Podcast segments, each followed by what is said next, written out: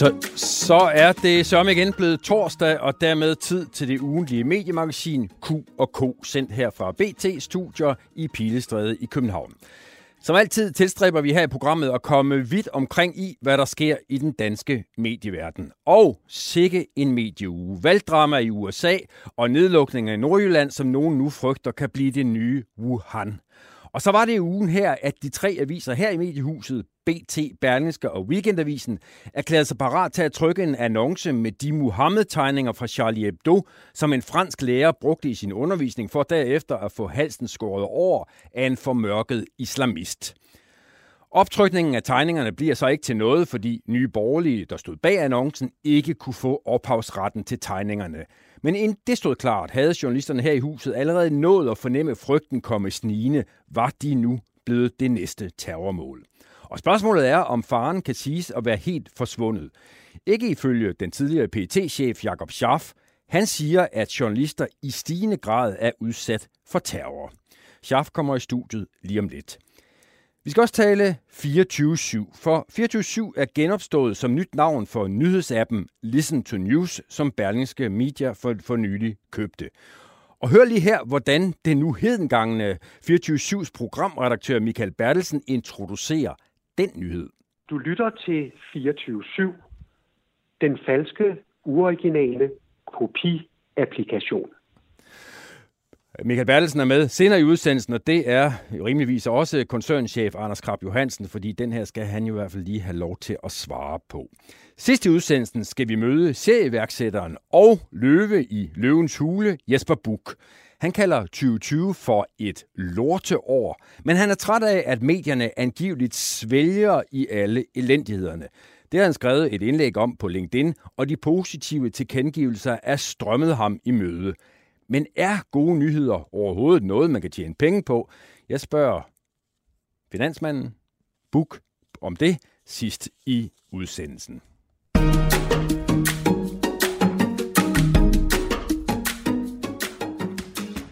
Og så er det sådan, som faste lyttere vil vide, cirka på det her tidspunkt i udsendelsen, jeg plejer at introducere min, min gæstevært, og således også i denne uge, og han sidder her over for mig. Det er en mand, de fleste vil kende, tør jeg godt øh, sige. Det er nemlig dig, Hans Engel. Velkommen til. Stor tak for ære. Det. Tak for det. Det er meget, der siger det. Og det er jo, øh, det er jo jeg vil sige, du vender jo lidt tilbage til Åstedet, fordi i netop denne bygning havde du jo din første tid som journalist. Det havde jeg. Jeg startede som, øh, dengang hed det journalist-elev på, øh, på Berlingske Tidene, og senere Berlingske Aftenavis, den er i dag er Weekendavisen, og så tilbage til Morgenavisen, altså Berlingske Tidene. Så jeg var i huset her i 10 år, og har jo altid betragtet det sådan som min journalistiske øh, vugge, øh, og har fulgt huset i opture og nedture og opture igen. Og, og, du har, også prøvet, og du har også prøvet at sidde op på, på Rådhuspladsen, som jo ja, traditionelt er sted, der ja, konkurrenten. Det, det, ikke? Men det var sjovt, jeg, jeg lader mærke til, at vi gik ind her øh, på anden sal øh, ind mod studiet her, hvor du kiggede sådan lidt rundt på de folk, der sad der. Det er jo øh, pæne, ordentlige, disciplinerede, lydige folk, der sidder bøjet over deres computer. Prøv lige at bringe os tilbage til det, det, det, det, det pilestræde, du kendte der, da du var der i tidernes morgen. Jamen altså, det var, det var fuldstændig anderledes, fordi i dag, når man kommer ind i, i et stort bladhus, som, som Berlingske Media her, ser redaktionslokalerne, så det kunne lige så godt være en tandlægeklinik, eller et hospitalsområde, eller alt muligt, eller et sted, hvor man fremstiller avanceret elektronik eller andet. Der er stille. Altså, øh, dengang, der sad folk jo med deres skrivemaskiner og hakkede løs, og så havde du én ting, som kendetegnede. Det kendetegnede både øh, huset her i Pilstræde 34, den gamle hus, og kendetegnede også øh, politikens hus oppe på Rådspladsen. Man havde trykkerier nede i, i, nede i, i, i bunden af dyret, det er det kæmpe, altid levende dyr. Der havde du de der enorme enorme trykmaskiner, som jo altid kørte. De kørte jo altid et eller andet. Det var kæmpe oplag, der skulle rulles ud. Og, når de der maskiner var i gang, så gav det en rystelse i hele huset. Altså ligegyldigt, hvor det var, så ligesom at gå på et skib, der, der lå ude i søen. Og det er jo fuldstændig anderledes i dag. Der er det fredeligt og roligt, og folk sidder og ser pæne og disciplineret ud og kigger ned i deres skærme. Dengang var, at du havde også en anden sammensætning. Altså du havde jo først og fremmest de mange, mange, mange øh, typografer og grafikere og fotografer osv. osv. Der var rigtig mange forskellige faggrupper. Faktisk er det sådan, at her i huset, der lukker receptionen kl. 16. Den var ikke gået i gamle dage. Slet ikke. Altså, der var, der var et bladhus. Det var et sted, hvor der var, der var liv 4. Det var 24-7, ikke? Altså. Ja, jeg kan faktisk historie. Jeg, jeg ved ikke, om den er rigtig, men det gør den ikke mindre god. Jeg hørte engang, at da Jørgen Eibøl blev chefredaktør over på Jyllandsposten, som jo som bekendt, det gjorde det i hvert fald dengang, hørte til i Viby, lidt uden for Aarhus, så der fik han jo så forvist øh, alle, øh, alt, hvad der hørte til den avis, herunder også trykkeriet, lige ved trykstart. Og så begynder de der store valser at køre rundt, og, og, og Eibel står og kigger på det. Og så vender han sig om mod sig, dem, der følger ham, og så siger han, det her, det er bedre end kvinder. Og om det er rigtigt, ved jeg ikke, men det siger jo et eller andet om, om den der stemning, der var i de gamle bladehuse. Ikke? Jeg vil så sige, det lyder, det lyder absolut som en ejbøl. Det lyder, du, du kan ja, godt... Jeg vil sige, den, den, den anser jeg for at være lige for at være, for at i skabet. Den er, den, det, det, var lige det, han, det var lige det, han ville sige. Bedre end kvinder. Ja. Okay, Hans, øh, det er jo som journalister øh, noget af en tid at, at, at, at leve i. Altså hold nu fast, der sker meget, som jeg også var inde på i min, i min introduktion. Hvad, hvad, hvad, hvad, hvad tænker du sådan, i, som den journalist, du er, om det, vi ser for øjeblikket? Det vil sig i USA, eller det vil sig i, i Danmark, altså. Der er godt nok gang i den. Det er vildt. Øh, det er fuldstændig vildt. Og, og man kan sige, at øh, markedet er jo også totalt øh, forandret, fordi det er klart, nu har du valg i USA, og dermed har du så tidsforskel, der er tidszoner osv., der sker noget midt om natten, som er så et andet tidspunkt her. Men det, der er jo grundlæggende kendetegnet journalistikken i dag, det er, at den kører døgnet rundt. Der er ikke noget, der hedder deadline. Altså, jeg, jeg kan huske, i, i gamle dage, der sagde politikerne på Christiansborg altid, at det var faktisk Anders Fogh, jeg hørte det fra første gang, han sagde, man kan roligt, altså man kan roligt komme i seng kl. 12, så er ekstrabladet udkommet, og så sker der ikke mere. Det er døgn. Og det er ikke situationen i dag. Altså, det er nyheder, det er 24 timer, og, øh, og det er jo så ikke kun øh, de medier, vi kender, øh, aviser, radio, tv osv. Du har de sociale medier, som jo kommer, som kommer kørende uafbrudt. Og som, og som dem, vi som journalister beskæftiger os meget, med, jo også udnytter. Meget. De er jo i høj grad nyhedsskabende, nyhedsformidlende, og, og det kan vi jo se en, en stor del af døgnets begivenheder køre her. Og det er jo også fordi, du har jo den situation med de sociale medier, at der er hver eneste dansker, hver eneste politiker, hver eneste er sin egen chefredaktør. Og det vil sige, at øh, du kan kommunikere fuldstændig hen over hovedet på de etablerede medier. De etablerede medier er nødvendige, eller rettere sagt, er, er også afhængige af at kunne hente nyheder fra de sociale medier. Så det skaber jo en interaktion, hvor, hvor øh, Øh, og så også der kom først med nyheder, altså fordi så meget foregår på nettet i dag, at det er jo helt, helt afgørende.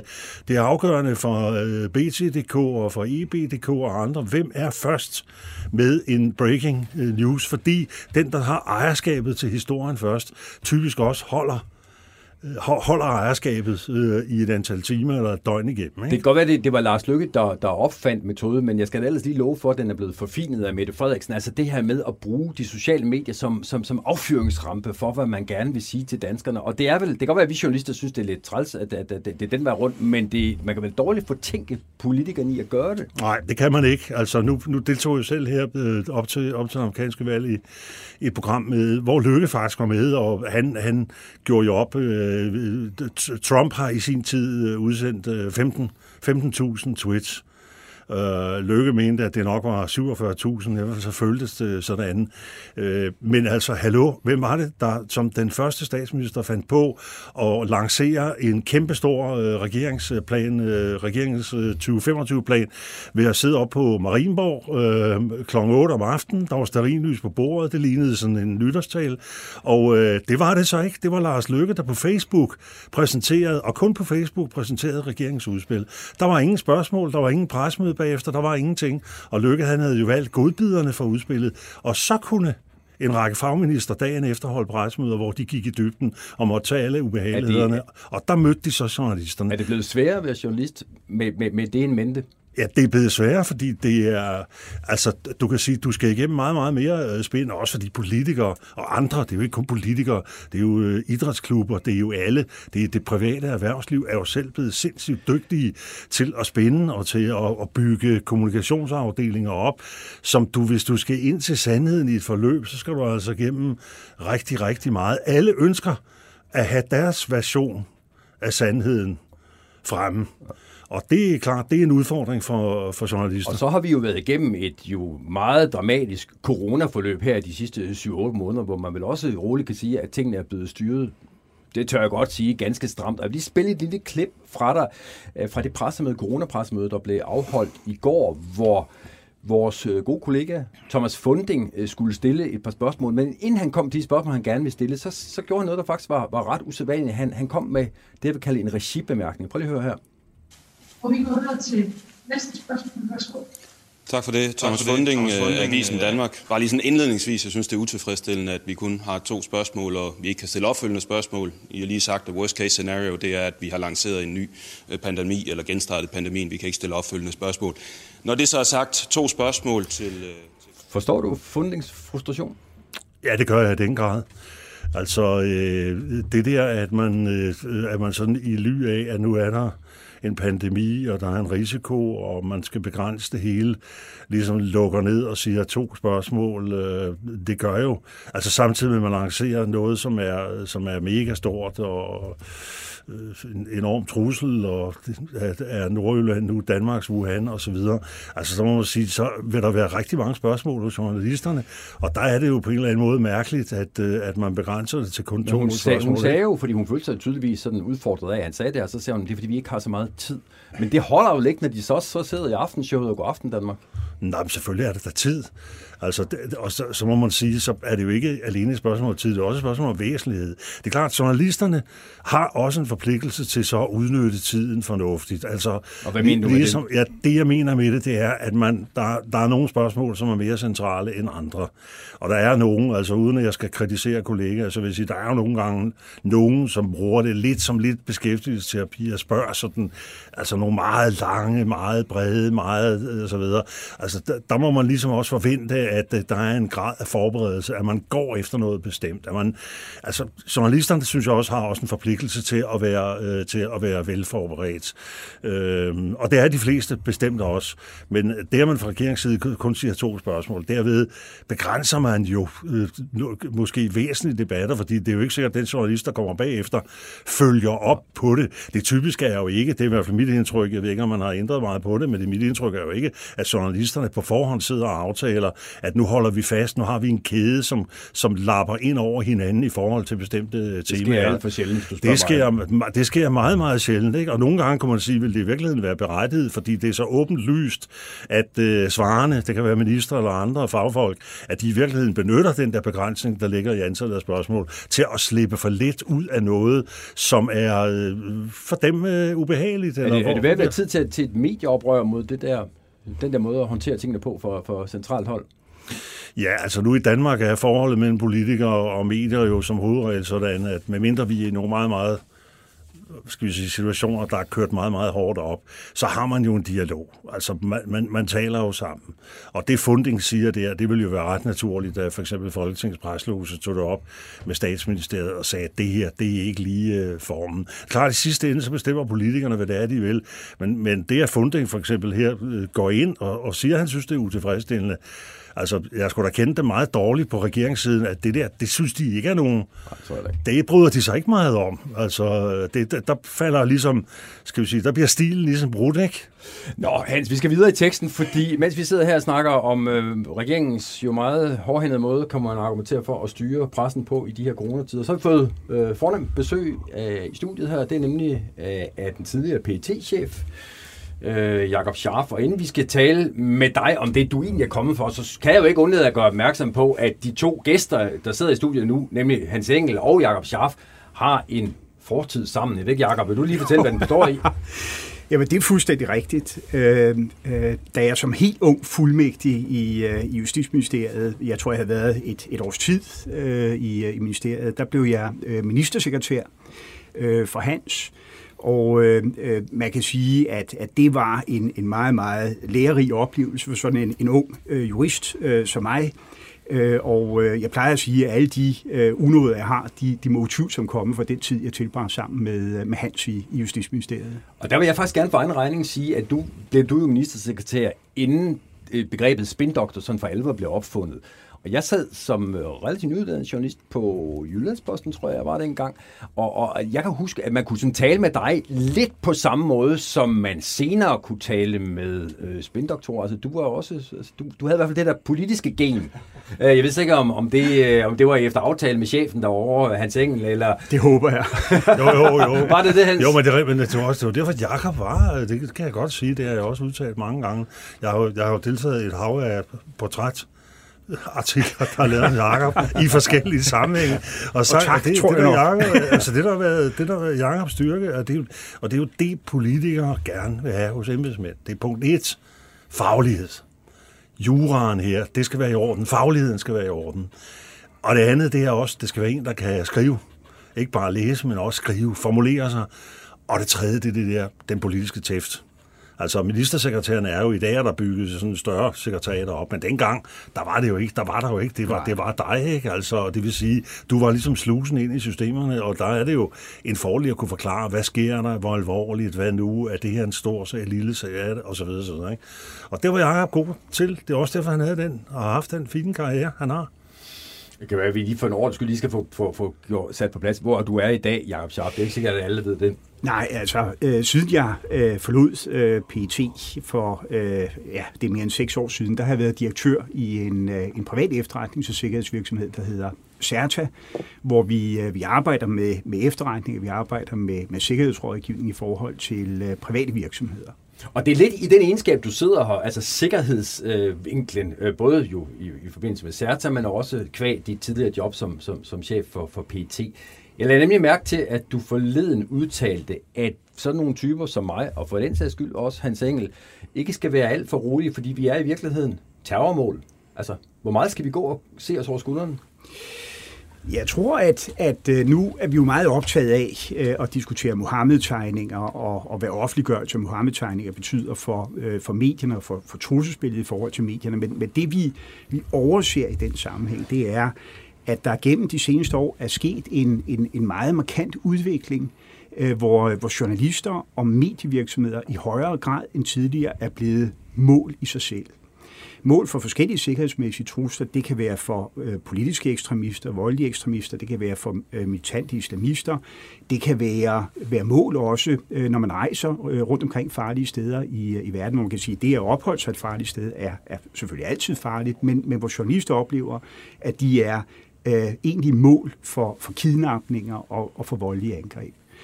Øh, så det er en mere generel udvikling, vi har set, øh, hvor truslerne bliver rettet mod journalister og medievirksomheder øh, i sig selv, og ikke bare fordi de, de er bestemte nu, nu tror jeg, der var mange øh, medarbejdere her i huset, der for et par dage siden drog et lettelsens suk, da det så viste sig, at nye borgerlige ikke havde fået ophavsretten til at, at, at bringe de her annoncer, som jo ellers de tre chefredaktører i huset her havde sagt, de gerne øh, ville, ville bringe.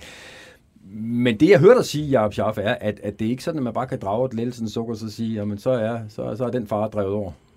Nej, det, det kan man ikke. Altså, der, der er en, en lang række øh, sikkerhedsmæssige trusler, som, som journalister og, og medievirksomheder skal tage højde for i, øh, i dag. Øh, og, og hvor klart, kommer de trusler fra? Ja, det, det er jo trusler, der, der kommer fra øh, primært øh, fra forskellige ekstremistiske miljøer, øh, som, øh, som ser journalister og medievirksomheder som, som fjende. Øh, det kan være på grund af offentliggørelse af mohammed men det kan være en, en lang række andre grunde.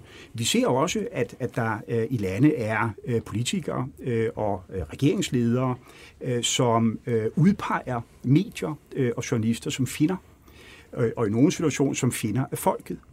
Øh, så der bliver også skabt øh, et, et fokus på, på medierne og journalisterne øh, og, og deres rolle i, i samfundet, der gør, at, at visse ekstremistiske grupper får et fokus på dem og ser dem som, som mål for egentlig angreb. Er det noget, som du oplever mediehusene være altså, nok opmærksom på?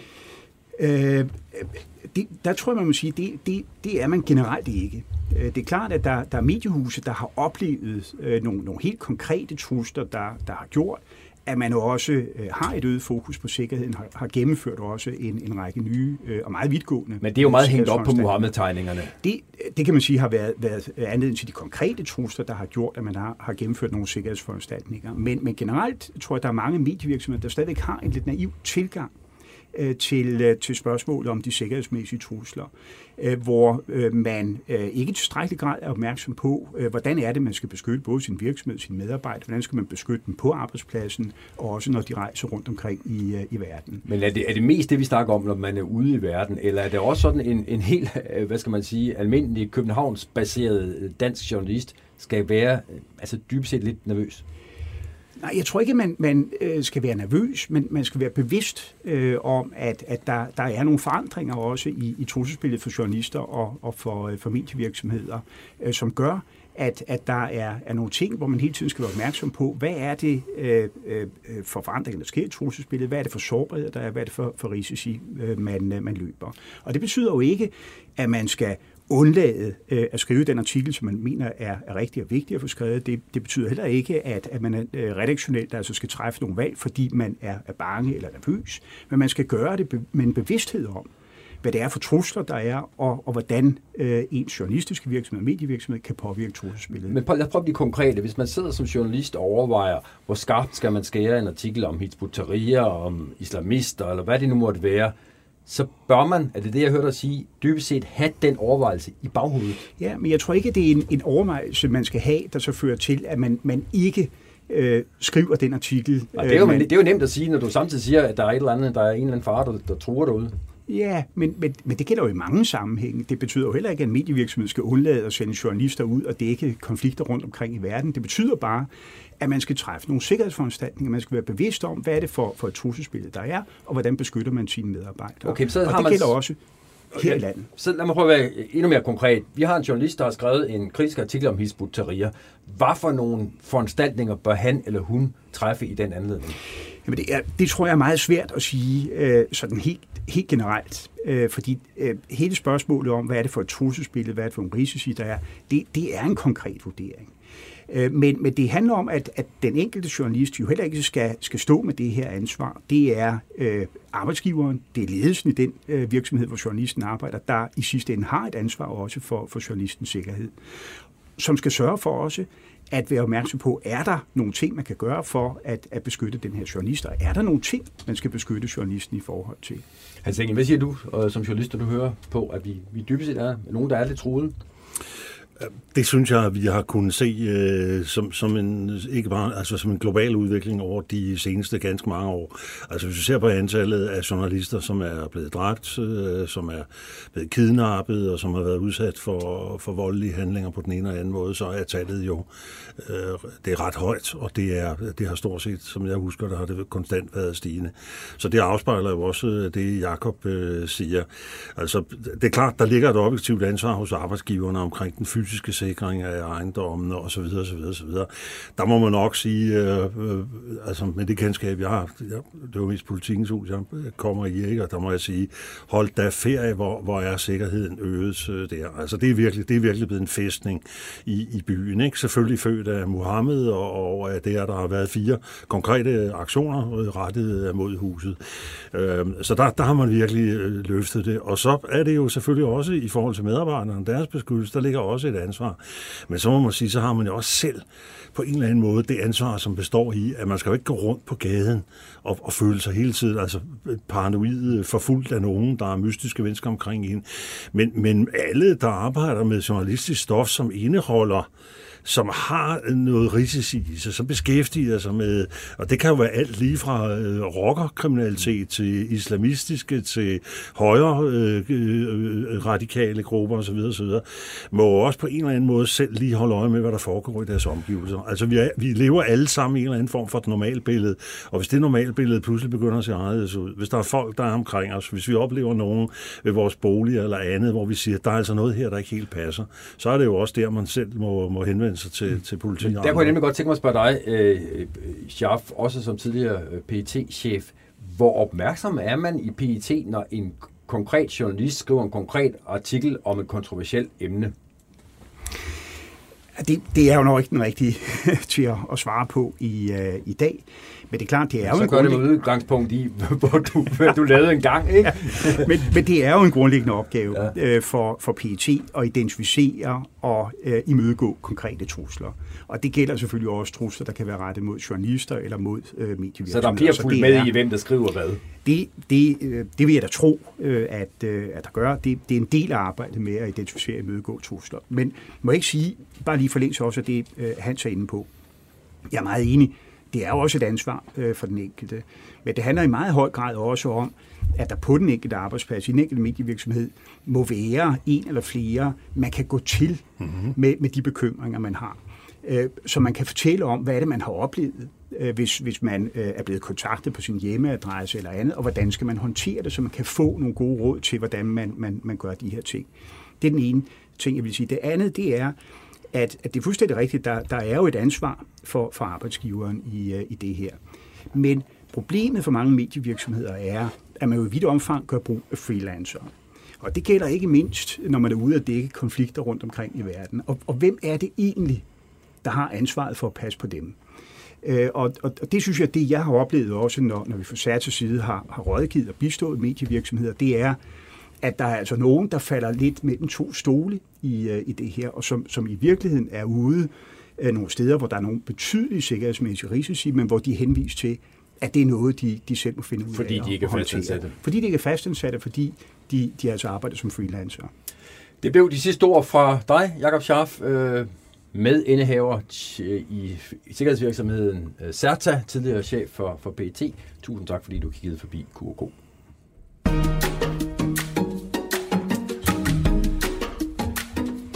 Podcasten er sponsoreret af Maxus, som netop er lanceret i Danmark med 100% elektriske biler med moderne teknologi og højt udstyrsniveau.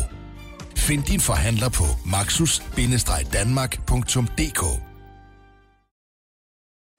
Nå Hans, øh, nu skal vi lige snakke lidt øh, 24-7, øh, fordi det er som om, at øh, begrebet 24-7 aldrig nogensinde vil komme til at dø. Det bliver ved med at leve videre, også sådan i, i sådan det, noget debatskabende. Hvad, hvad tænkte du dengang, at 24-7 lukkede? Øh, jeg er for første hånd forundret. Altså, jeg var meget forundret, øh, forundret fordi det var faktisk lykkedes at, at skabe et, øh, et, et modstykke til, øh, til, til, til, især til Danmarks Radio og til meget andet. Ikke? Øh, det var lykkedes at, at, at, at finde en ny form, nye journalistiske øh, øh, koncepter. Øh, altså det, det var faktisk lykkedes øh, på mange områder. Og der var jo kommet, der var sådan kommet en menighed, altså der var bygget en stor menighed om, som jo virkelig elskede det her øh, projekt. Der var også bygget en stor anti-menighed om, ikke? Altså der var jo virkelig, det kommer man jo mærke på Christiansborg. Altså det var ikke til at tage fejl af, hvem der var, der syntes, at 24-7, det var altid fede radio og skønne programmer og vanvittige værter, og det hele, det havde sit helt eget liv. Og så dem, der synes det her, det var godt nok for helvede, altså det gælder om at få det lukket så hurtigt som muligt. ikke? Øh, så så, så det, var, det, var en, det var en radio, øh, som formåede at løfte det man, øh, det, man skulle, øh, som skabte sig en masse venner, men også skabte sig en masse uvenner. Men jeg havde ikke troet, at man i, i sidste ende, at så ville det lukke. Men, men, men det skete så, og, og, og det var, der så, var så den der gruppe af, af followers omkring, som på en eller anden måde jo blev ved med at tale om, ja. hvor trist det var, at øh, 24-7 ikke længere øh, var en radiostation øh, i blandt. Altså, hvad, hvad tænker du om øh, det? Jamen det er da klart, altså fordi der var der en række elementer, som var i 24-7. Nu vil jeg sige, at jeg var meget on and off i forhold til, til radioen. Der var nogle, jeg, nogle programmer, jeg godt kunne lide, og så var der meget, som jeg synes, det der, det, det hørte jeg ikke vel. Altså, hvis du godt kan lide at høre DR's P1, ikke, eller orientering, eller verden ifølge Gram, så, så, så vil man sige, så vil der være en del af det, der var på 24-7, som ikke var helt så interessant.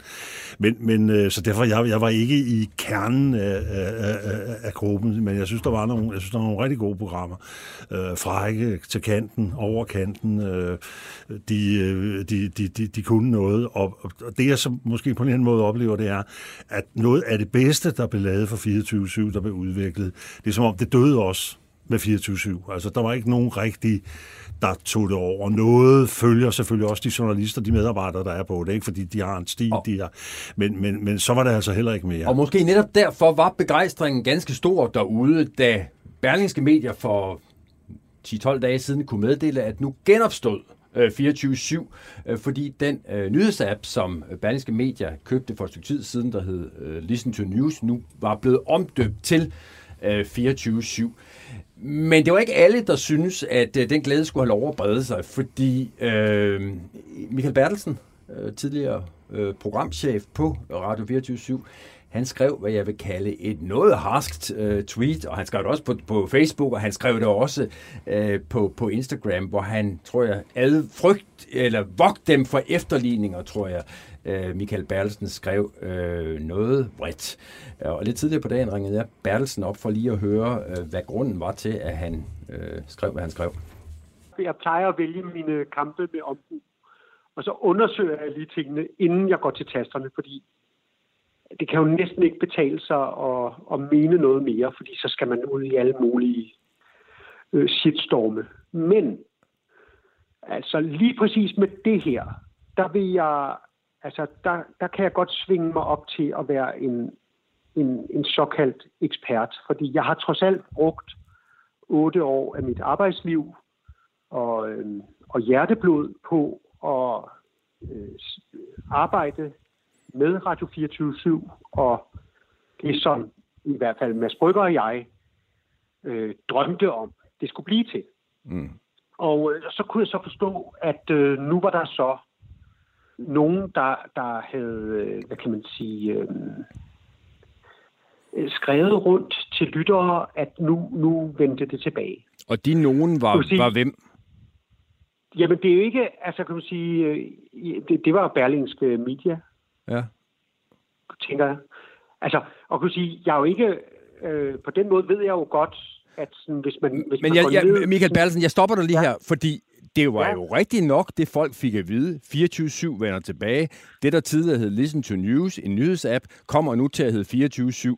Så for så vidt var det Hvis jeg vel en havde- rigtig besked. Hvis jeg havde, øh, hvis jeg havde en, en nyhedsapp, der hed Listen to News, ville jeg også foretrække, at den kom til at hedde 24-7. Det skal Ja. ja. de sige. Ja. Altså, men det er heller ikke så meget det med, med selve navneskiftet, fordi jeg ved jo godt, at øh, det, det var sådan, at Berlingske Media havde 70 procent, Ja. People Group havde 30 procent, og Mads Brygger og jeg var sådan set bare helt almindelige øh, funktionærer, øh, som fik vores øh, månedsløn. Så det er, ikke, det er jo ikke, altså på den måde har vi jo, ejer vi jo ingenting. Men hvis det er tilfældet, og det er jo rigtigt, altså Berlingske ejer 70 procent, ja. hvordan kan det så, som du skriver på din øh, Twitter-konto, og vist også på Instagram og Facebook, hvordan kan det så være merkantilt gravrøveri?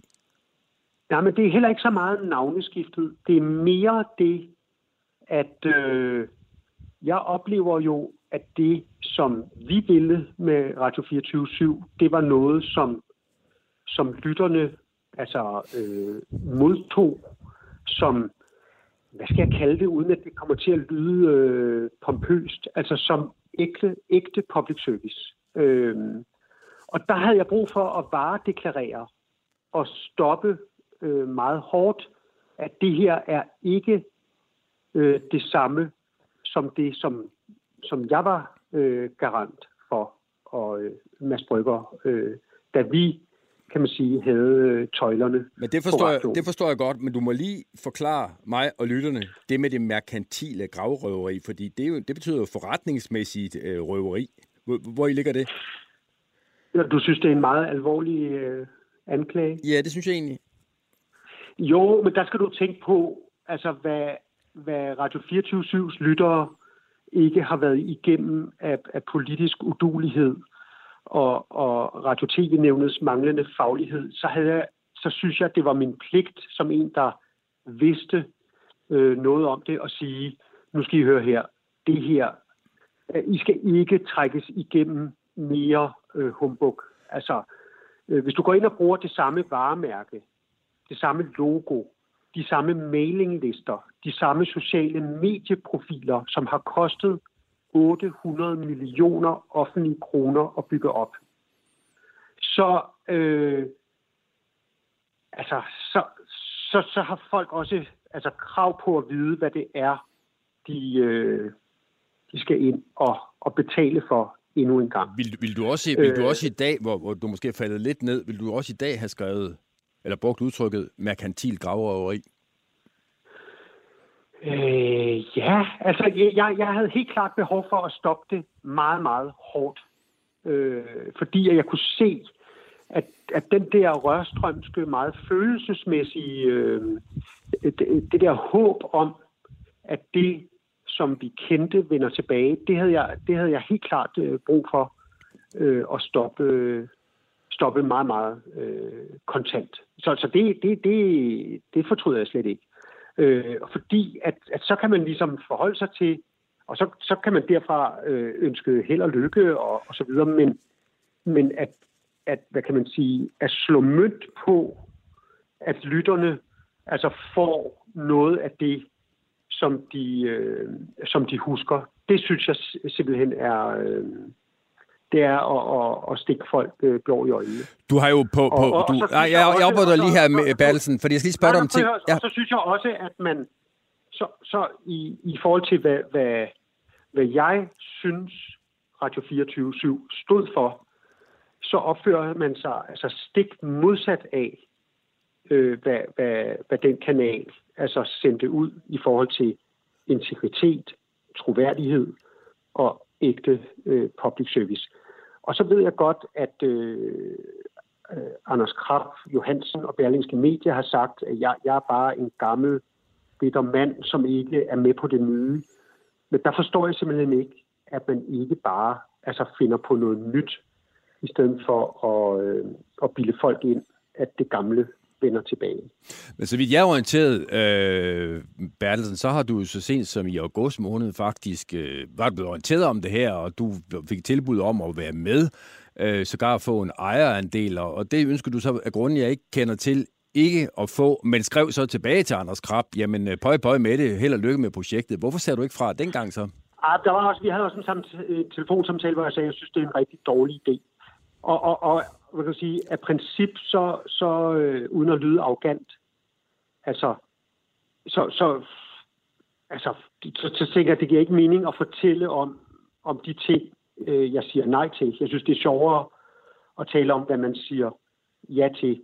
Men i det hører også med, at med hvad der så sidenhen er sket, så, så vil jeg sige, at den henvendelse, er jeg simpelthen så glad øh, for, at øh, jeg sagde nej til, fordi hvad der så sidenhen øh, ville være sket, det var jo, at hvis Mads Brygger og jeg var gået med, så var der blevet lavet et øh, barn på os, altså et, et uægte barn, øh, fordi øh, Berlingske Media jo går ind i, øh, i Loud, og, øh, og det er jo ikke nogen hemmelighed, at vi mener, at Loud er et dødfødt projekt. Og på den måde, så synes jeg, øh, at øh, man kan sige, jamen, så, øh, så, så kan man sige, så er jeg da virkelig glad for, at min øh, mavefornemmelse og dømmekraft og situationsfornemmelse var intakt, da jeg sagde, det der, det lyder ikke øh, som, øh, som noget, der har vision, øh, ambition og, og drøm nok i sig til at blive noget, der kan matche det, som jeg i al beskedenhed synes, at øh, Radio 24 stod for. Okay, men, men, men du, du valgte så at sige nej, og så kommer så nyheden om, at øh, øh, Listen to News bliver kaldt øh, 24 Den kommer et fredag aften. Du øh, går til tasteren og sender et relativt harsk øh, tweet ud og skriver noget harsk på Synes Facebook. du, det er så hårdt? Nej, nej, men det, så, sådan, er det, sådan er det i hvert fald blevet, blevet, blevet opfattet. Det, jeg lige vil spørge dig om her afslutningsvis, ja. Øh, Bertelsen, er, jeg tror, der er mange, der tænker, hvornår lader ham, Michael Bertelsen, og for den sags skyld, hvornår lader ham, Mads Brygger, denne her 24-sag fare? Altså, hvor, hvor lang tid, jeg kan også spørge på en anden måde, hvor lang tid bliver du og Brygger ved med så tydeligvis at være følelsesmæssigt involveret, påvirket af, at I tabte dengang? Øh, jamen, øh,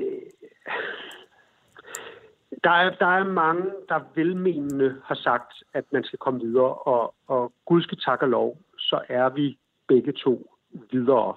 Og måske er det her også det bedste, der kunne ske, at øh, endegyldigt, så vil det være klart for alle, at det, som var, kommer ikke tilbage. Fordi øh, det, det vil i hvert fald, kan man sige, kræve noget, nogle, nogle helt andre øh, økonomiske muskler og ambitioner end det, som, øh, som er på, øh, på bordet her. Men skal jeg tro på, skal jeg tro jeg på synes- nu, jeg- men jeg jeg skal lige høre, jeg skal lige høre, Bertelsen, skal jeg tro på nu, at du og Brygger har skrevet det sidste fornærmede tweet, Facebook-opslag, øh, Instagram-opslag i forhold til 24-7? Hvorfor, er det, hvorfor, hvorfor bliver man kaldt fornærmet, fordi man har brændt for noget? Altså, det synes jeg er en mærkelig, det synes jeg skulle er en mærkelig holdning til, at man har, øh, man har givet alt, hvad man havde. Men, men, men mit spørgsmål går mere på, hvorfor I ikke anerkender nederlaget. Det gør vi da også. Gør I det? Ja, ja. Vi er jo begge to videre. Vi er begge to videre, sagde Michael Bertelsen om ham og øh, Mads Brygger. Øh, og mellemtiden er du kommet i studiet, Anders Krab Johansen, øh, koncernchef her i, i Berlingske Media. Øh, du skal selvfølgelig nok lige om lidt få lejlighed til at svare på, om du er en merkantil gravrøver. Men inden skal du, da skal du lige tage høretelefonerne på igen, fordi jeg vil lige spille øh, øh, den introduktion, som Michael Bertelsen synes, det vil være passende at give det nye 24-7. Det er ganske kort. Prøv at høre her. Du lytter til 24-7, den falske, uoriginale kopi-applikation. Ja, Anders Krab, øh, du bliver angrebet noget her. Merkantil gravrøver af kopi-applikation, og jeg ved ikke hvad. Hvad har du at sige til dit forsvar? Har han ret til det, rettigheder til den der? For den vil jeg godt bruge. Han har, Michael har den mest fantastiske stemme. Jeg vil elske at have det der. Øh, Det vil jeg gerne have. Men hvad har du at sige til dit forsvar? Jamen ikke noget. Jeg synes, at... Øh, jeg synes, Michael, øh, Mads Brygger, øh, mange andre lavede en fantastisk station. Jeg havde jo den store ære at være bestyrelsesformand for den de sidste par år. Være med til at kæmpe mod, mod politikere, blev det faktisk. Jeg, jeg troede egentlig, det skulle være med, men det blev så mod politikere. Have mange møder med embedsmænd og alle mulige andre om, hvordan pokker man kunne sørge for i en eller anden form at have givet øh, Radio 24 x antal år mere, 4, 6, 8 år, hvor vi, hvor vi så kunne have sagt, det skal måske ikke være 70, 80, 90 millioner skattekroner om året til evig tid, men giv os lige en periode, hvor vi kan begynde at forme den om til noget andet. Vi nåede at starte et, et projekt, parallelprojekt, der hed Podcast 24-7. Nåede at investere en masse penge i det, som vi så har tabt, øh, for at sige, jamen, hvad, hvad, hvad, hvad skal det kunne, øh, det, her nye, det her produkt? alt det gik i vasken, og jeg, altså, jeg anerkender altså, til fulde Michael Bertelsen og Mads Brygger, Jørgen Ramskov og alle mulige andre kæmpe talenter øh, på den radio for, hvad de har gjort. Jeg håber også, de øh, ser, at der var mange andre, der kæmpede med dem, inklusive Berlingske Media. Det gik galt. Så står man jo og kigger og tænker, Berlingske Media gjorde det først, at vores, vores andre medier, altså med BT, Berlingske Weekendavisen og, og Euroinvestor, reddede øh, faktisk de, de 8-10 bedste øh, podcasts, der var blevet udviklet i regi af, af Radio 24 der var også andre elektronister, Fitness MK, øh, eller hedder den det kun nej, MK, øh, som, som, som blev reddet andre steder som jo er ligesom udløber og børn, børn af den der fantastiske kreative energi. Og så stod vi med 24-7 og tænkte, det er virkelig, virkelig ærgerligt. Altså, det er ærgerligt, at man ikke kan finde alt det, der er. Øh, det er ærgerligt, at der ikke er nogen andre, der satser på, på, på moderne lyd. Øh, og, og, og visionen var jo i den sidste fase af Radio 24-7 at lave altså en, en, et podcast medieplatform, hvor at også yngre øh, vil gå ind. Altså mine børn hører aldrig FM. Øh, og hvor, hvor finder de lyd? Og det er jo det, vi har lavet nu øh, og håber at bygge. Så, så jeg, jeg, jeg er jo ked af, at, at, øh, at, at Michael Bertelsen og Mads Brygger synes, vi står og pisser på deres mausoleum. Men altså, i, i min verden prøver vi bare at bygge en, en sandkast til, til ny lyd. Men, men når de kalder dig en grav, gravrøver, øh, Krab, så er det jo fordi, at de sidder tilbage med indtrykket af, at du ligesom smykker dig med det, de har opnået, og giver folk et indtryk af, at det, man får på det, der indtil for kort tid siden hed Listen to News, det svarer til det, man fik på 24 Og det er vel også falsk markedsføring, er det ikke det? Jo, hvis, vi havde gjort, hvis det var sådan, det var gjort, så havde det været fuldstændig falsk markedsføring. Det, det er jo så bare, det er ikke rigtigt. Og det er alle, der bare gider kigge på, på annonceringen for det nye 24-7, eller kigge på pressemeddelelsen, eller på, hvad, hvad den nye dygtige direktør, øh, Christian Grønlund, sender ud og svarer, ved jo, at det er forkert. Det, er, det bliver helt klart sagt 24-7 nu uden radio. Det er meget direkte. Radioen er væk. Der bliver, der, bliver, der bliver sendt hilsner til det gamle arkiv, ved at det er, det er derinde, så man kan finde det og der er en meget fremtrædende placering til de, de fine formater, der er videre, men det er noget andet. Det er ikke Radio 24 Men hvorfor skulle det så hedde Radio 24 Fordi det er et fantastisk navn. Altså, historien er jo faktisk, at i, i nullerne var, var Radio 24 en erhvervsradio, som sendte over fra børsen, altså ikke, ikke børsen, min gamle avis, men over fra børsbygningen, blev overtaget af JP, øh, og så døde den hen, men det var, det var et forsøg på at lave kommersiel øh, nyhedsradio. Så kom Radio 24 tog navnet, egentlig et lidt sjovt navn til noget, der var så, øh, hvad skal man sige, skævt, som Radio 24 var. Altså 24 lyder egentlig mere som noget nyhedsradio, hvis, jeg, hvis du siger det. Og nu kommer så altså tredje generation, hvor det så er, er app-baseret øh, 24-7, så det er jo ikke et navn, som, som er låst til, til det der format. Jeg er klar over alle de følelser, der er i det for rigtig, rigtig mange, og jeg er også klar over, at der er rigtig mange, der bliver skuffet, hvis de bruger den. Øh, der er lige så mange, der vil blive glade. Irriterer kritikken der? Nej, nej. Det var helt forventet. Altså, det er, det er ligesom, næsten ligesom, øh, nu ser jeg med politiske mennesker her, det er næsten ligesom med Pia Kærsgaard. Der er dem, der bliver rigtig glade, og dem, der bliver rigtig sure. Altså, og det, det er sådan en, en, en splittersag, øh, så det gør det ikke. Jeg overrasker mig ikke. Jeg, jeg prøver at svare høfligt og pænt til, til dem, der, der siger det, øh, og glæder mig over alle dem, der, der nyder det nye produkt. Altså, jeg, jeg fulgte din om Bertelsens uh, Twitter-fight, det synes jeg godt, man kan tillade Han svarede aldrig. Nej, men der skrev du noget i retning af ro på. Ja, ja. Hvorfor det? Jamen det er fordi, at, øh, at det er jo fordi merkantil gravrøveri, synes jeg faktisk er sådan lidt groft sagt faktuelt forkert. Der er ikke nogen penge i det. Det sagde han jo også pænt og høfligt i det her interview, du har lavet med ham. Og det er jo ikke gravrøveri, fordi det er jo noget, vi har. Altså, øh, det er aftalt igennem de bestyrelser, der skal og så videre.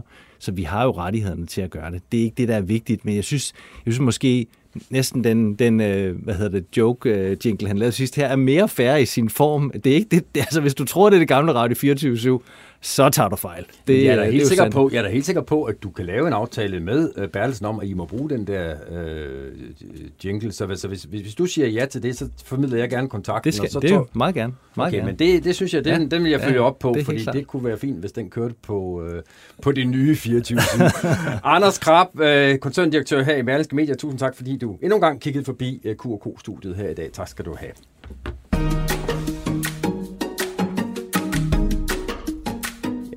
Og, og Hans, vi skal lige her, inden vi nu går til, til det sidste indslag i dag, så skal vi lige, lige runde øh, ugens helt store begivenhed, øh, præsidentvalget i USA, der i hvert fald i talende stund endnu ikke er afgjort, mm. selvom vi jo læner os op af tror jeg godt, man kan sige en Biden-sejr, men der kan komme mange komplikationer øh, endnu.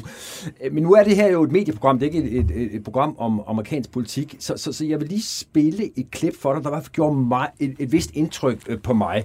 Øh, jeg tror, jeg som, som mange andre sad øh, i, i går morges og så, da Trump øh, gik på og sagde, at han betragtede det her valg som øh, fraud, altså snyd, at han havde tænkt sig at gå til øh, den amerikanske Supreme Court, øh, højesteret og, og, og klage over det, og, og, og, og det var så meget trumpsk, og, og egentlig ikke så overraskende. Det, der slog mig, det var, da så, jeg så det på CNN, da så man stillede tilbage i, til studiet, øh, hvor så, og det var ikke en kommentator, det var en studievært, der sagde det her.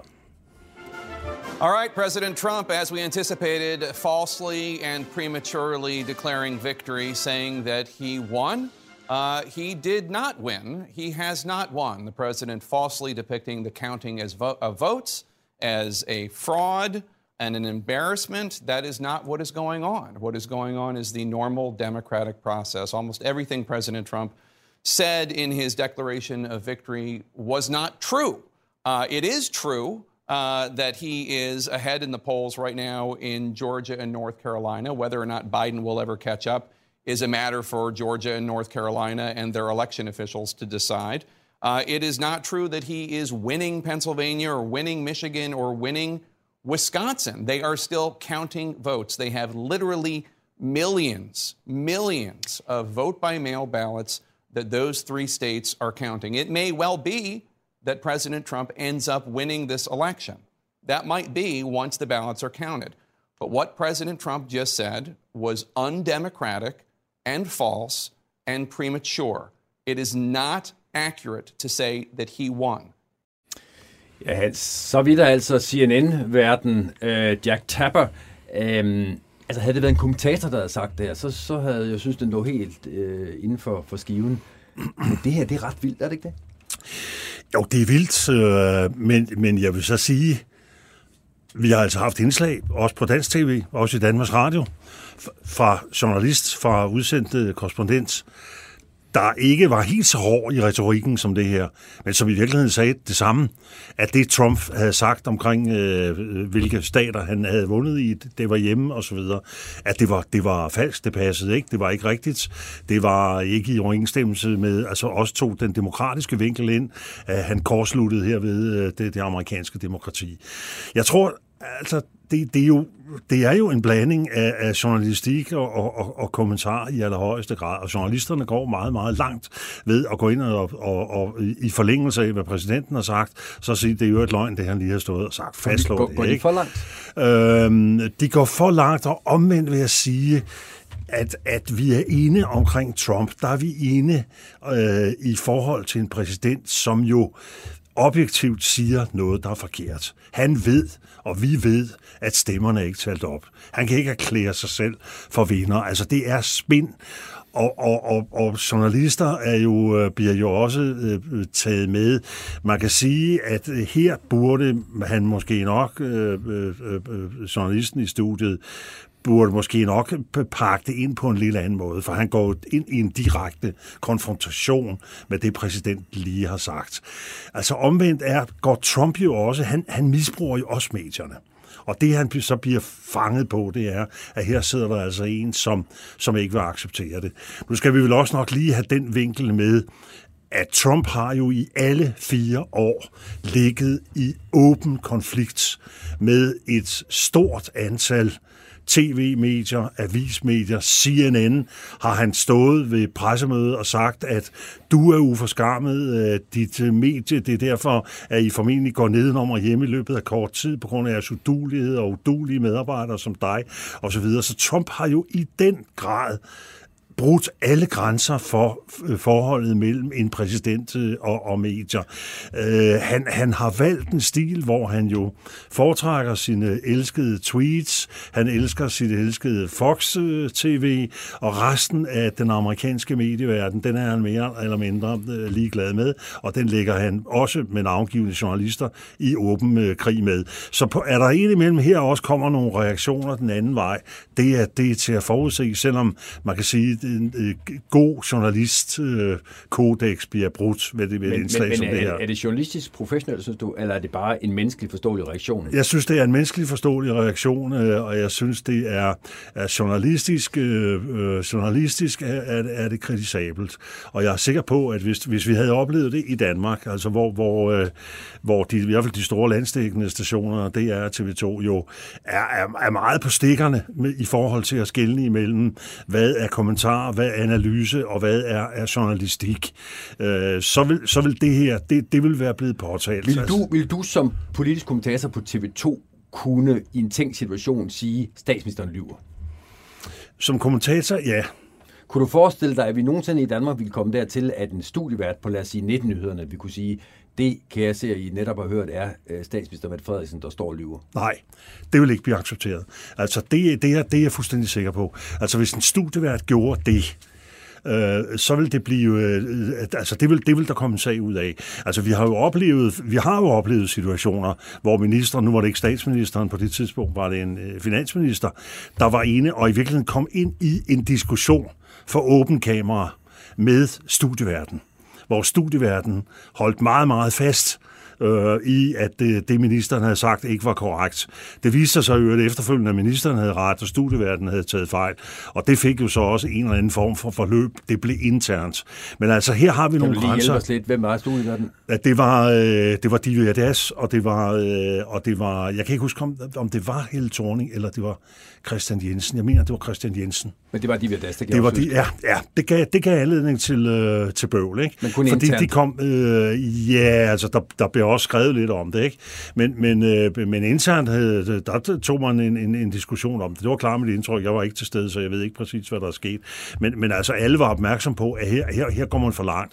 Og det er jo det samme, du vil jo heller ikke se, hverken på Danmarks Radio eller TV2, der vil du ikke se den samme optræde i rollen som interviewer og så kommentator. Og dog alligevel, fordi det, du ser det jo ind imellem, at så bliver der lavet et interview, jeg tror også, du selv har lavet det på tv et antal gange, hvor du først har interviewet, og så har du vendt dig om, og så kommenteret, men ikke misbrugt situationen Nej, men, til men jeg, at jeg forholde synes godt, sig. vi kan være ærlige og sige, at det er en enormt svær disciplin, fordi det der med, at man skal stå og give karakter til dem, man netop har Ja. stået og interviewet øh, journalistisk øh, forhåbentlig nøgternt, det er jo, altså, der er det- man er- derude, hvor tinden, tø, øh, isen bliver tynd. Ja, men altså, jeg har det da selv. Altså, jeg, nu er jeg selv gammel politiker, og jeg sidder som politisk kommentator. Jeg er med i et tv-program, det er så på, på TV2 øh, News og Co., hvor, øh, hvor man jo er i den der lidt underlige rolle, som er en blanding af at skulle udspørge, og skulle øh, være kloge, og skulle være det ene og det andet. Og, og der er der, der nogle gange, hvor jeg har bevæget mig på kanten af at komme i diskussion med en politiker, der så er i studiet, eller som er på skærmen. Og der sørger jeg altid for, eller prøver at tage to skridt tilbage, fordi det, jeg lige præcis ikke er politiker. Og der må journalisten, kommentatoren, øh, der må man jo hele tiden ligesom acceptere, at øh, det er ikke os, der skal have det sidste ord. Altså når man har en politiker i studiet, okay, så må man være lojal over for dem og deres fremstillinger, uanset om man så synes, det er forkert eller åndssvagt, eller det er direkte spænd, eller løgn, eller hvad det er, så, så kan man ikke, du kan ikke sidde som studievært og så sige, det er løgn, det jeg lige har siddet og interviewet om. Men det var altså, hvad, hvad CNN-studievært Jack Tapper gjorde øh, onsdag øh, morgen, da han havde hørt, hvad øh, præsident Donald Trump sagde øh, om, at valget var snyd og, og bedrag.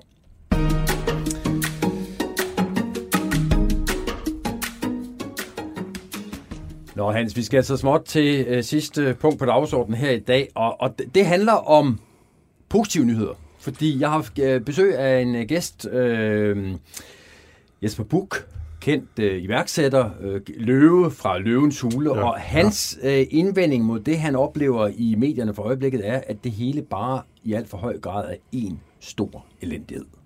Forstår du frustrationen? Fuldstændig. Fuldstændig. Altså, vi andre kan jo også blive depri, ikke?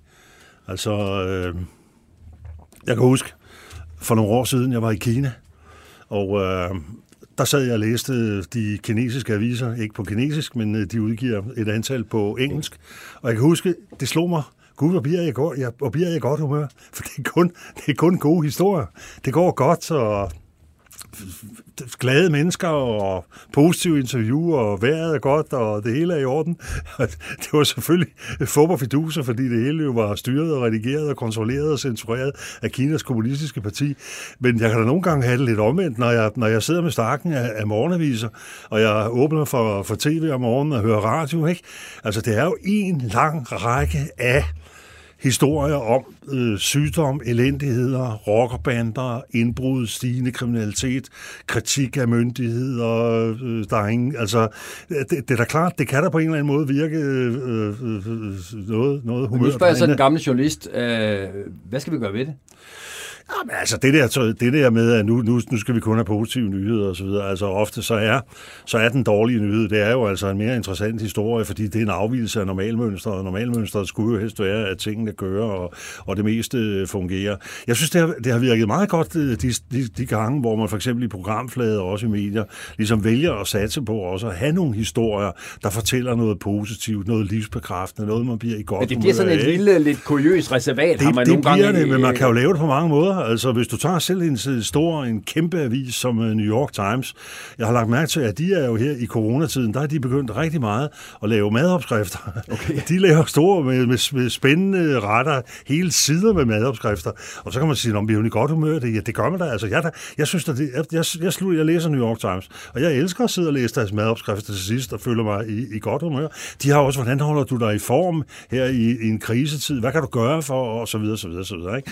Så den type artikler, livsstilshistorier, gode, mere fokus på den kultur, der er tilgængelig på bøger og på meget andet. Altså, du kan jo godt øh, vælge at, at prioritere noget, der ikke er så sortseende. Men når vi overhovedet taler om Jesper Buch, så er det fordi, han i dag lavede et, øh, et længere indlæg på øh, LinkedIn, øh, som virkelig har fået øh, massiv øh, opmærksomhed og er blevet delt igen og igen og fået masser af likes. Altså et, øh, et, et øh, skriv på, at der er for meget af det negative og burde være mere af det positive. Og jeg talte med Jesper Buch her lidt tidligere på eftermiddagen, og jeg prøver at høre, hvad han sagde.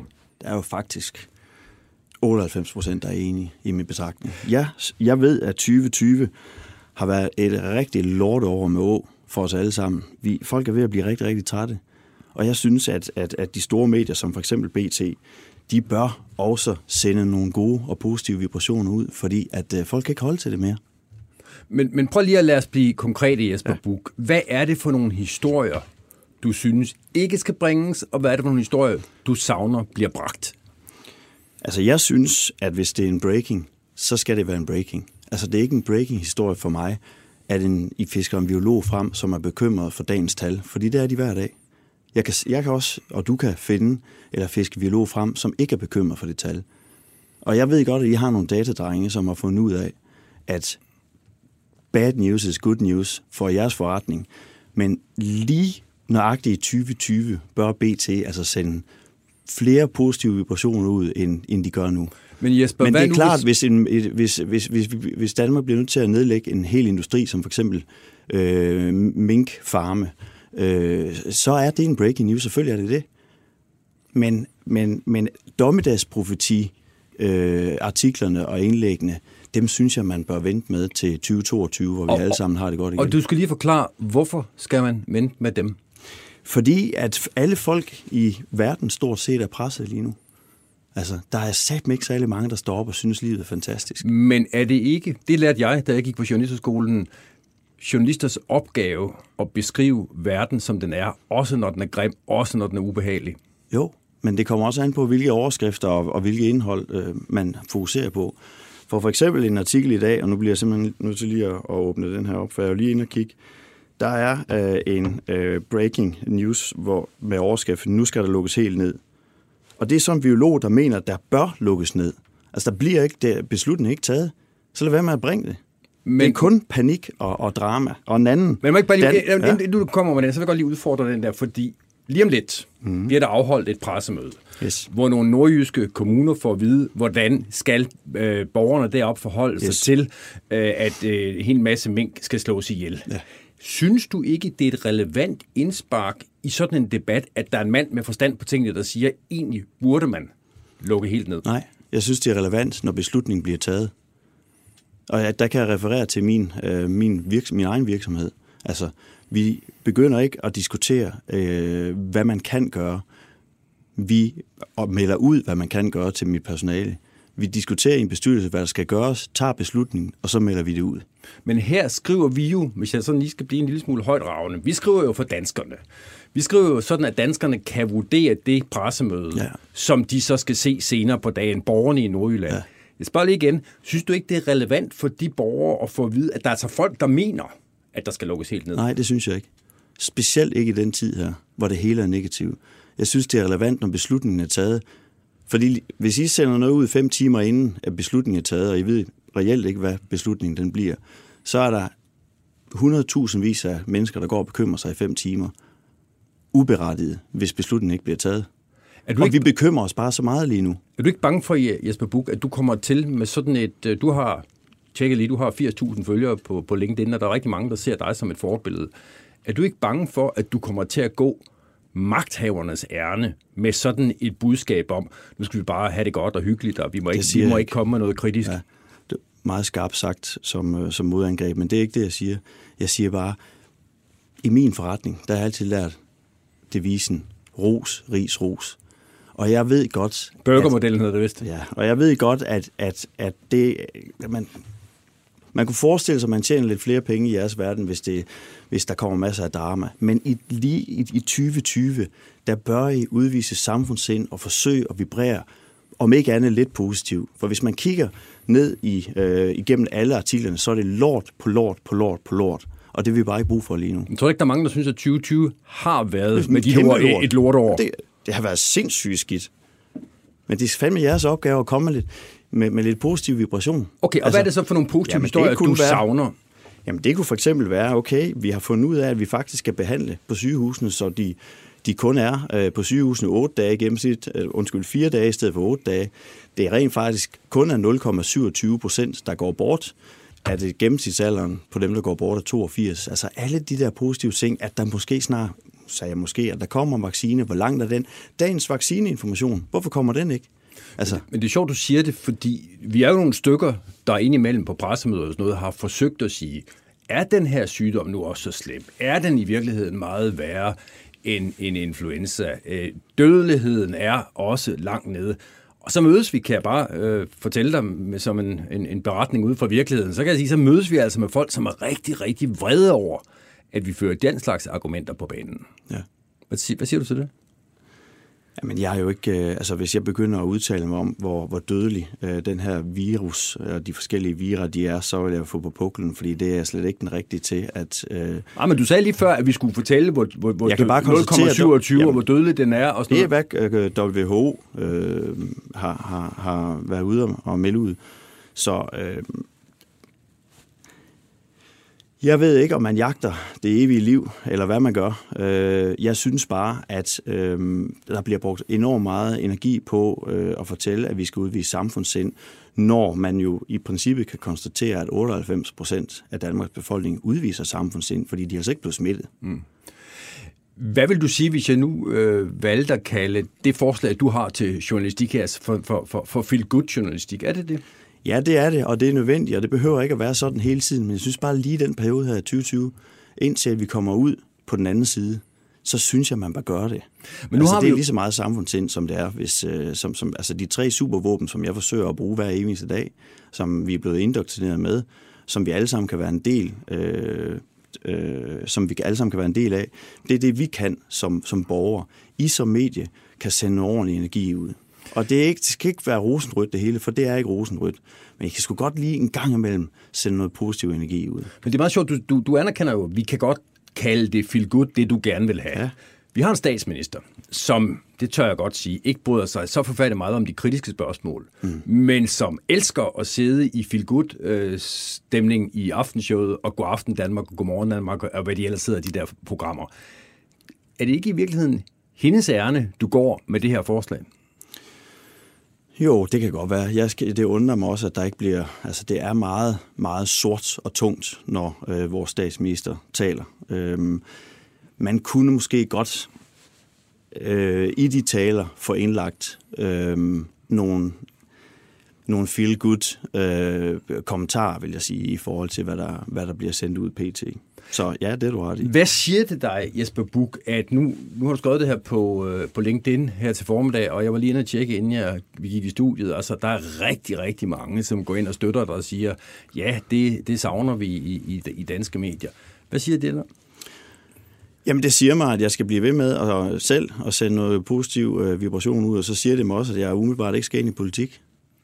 Eller måske medievirksomheder hvis I begynder at sende noget, noget god energi ud, så kan det Ja, fordi være. Du, du skriver jo faktisk øh, i dit opslag, at det ville være pragtfuldt, hvis iværksættere kom ind i løvens hule, hvor du som ja. bekendt er en af med de medvirkende. Hvis, hvis der kommer nogen ind i, den, i løvens hule med en idé om at lave en online nyhedstjeneste, som bygger sin forretning på gode vinkler og vibrationer. Nu kan det godt være, at du ikke er journalist. Det kan også godt være, at du ikke er politiker. Det kan også godt være, at du hverken skal ind i journalistik eller i politik. Men du er i hvert fald forretningsmand. Ja. Så meget ved jeg. Ja. Og der vil jeg give jer en god idé. Fordi hvis man nu i BT på sitet øverst, når man alligevel accepterer cookies, også kan, kan trykke på en, en grøn, en gul eller en rød knap, mm. alt efter hvor negativ man ønsker øh, jeres øh, journalistik, eller alt, alt efter hvor, hvor, hvor negativ eller positiv man ønsker at se jeres journalistik, så vil, øh, så vil jeg have en lidt federe hverdag. Fordi ja, jeg læser BT hver dag, det er en del af min protokol, og, øh, og, og det bliver jeg nok ved med, fordi at vi er blevet afhængige af det medie, og har været det i de fleste af os i, igennem mange, mange år. Øh, så derfor, når I nu har gjort os afhængige af jeres øh, medie, så bør jeg altså også vise samfundssind. Men, men når, jeg, når jeg lige holder fast i det der med, at du er forretningsmand, så er det selvfølgelig fordi, jeg fisker lidt efter, hvad din løsning så er på, hvordan man skal tjene penge, når al erfaring viser, at det folk klikker ind på, gæt en gang Jesper Buk, det er de negative, det er de kritiske historier. Ja. Jamen det øh, lige så vel som, øh, som vi taber nogle penge her og der, så tænker jeg også, at, øh, at Berlingske Medier de kan øh, holde til at øh, sende noget positiv energi ud, om ikke andet i 2020. Øh, velvidende, at de muligvis ikke får lige så mange klik, og vi er på sitet i øh, nok tid. Men jeg tror i øvrigt, at øh, adfærden er ved at, og det ved jeg ikke, det ved dine datadrenge, men jeg tror, altså det kan jeg jo se på det kommentarspor, at I, hvis I bliver ved med det her, at folk de bliver så trætte, at de simpelthen går ind på slet ikke går ind nogen steder, eller går på DR.dk, eller en af de sådan lidt mere objektive medier.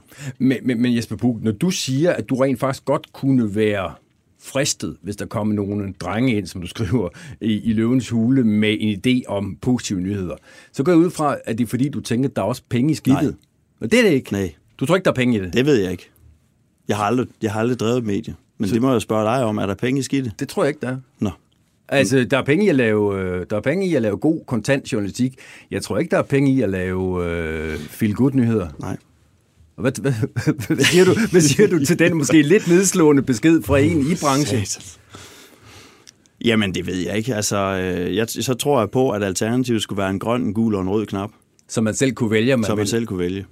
Men det kræver, at I sætter nogle folk til, og øh, i stedet for at køre øh, glasset halvt tomt, så kører glasset halvt fyldt.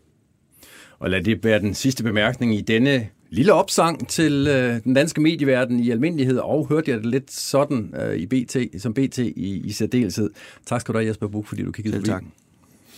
Ja, det var så Jesper Buch, der kom med en lille opsang her til sidst, øh, og således er vi nået til vejs ende i denne uges udgave af Q&K. Tak til dig, Hans Engel, fordi du ville være min gæstevært. Det var en fornøjelse. Øh, ja, det er også en fornøjelse for mig. Øh, også tak til lytterne, fordi I endnu en gang fulgte programmet her.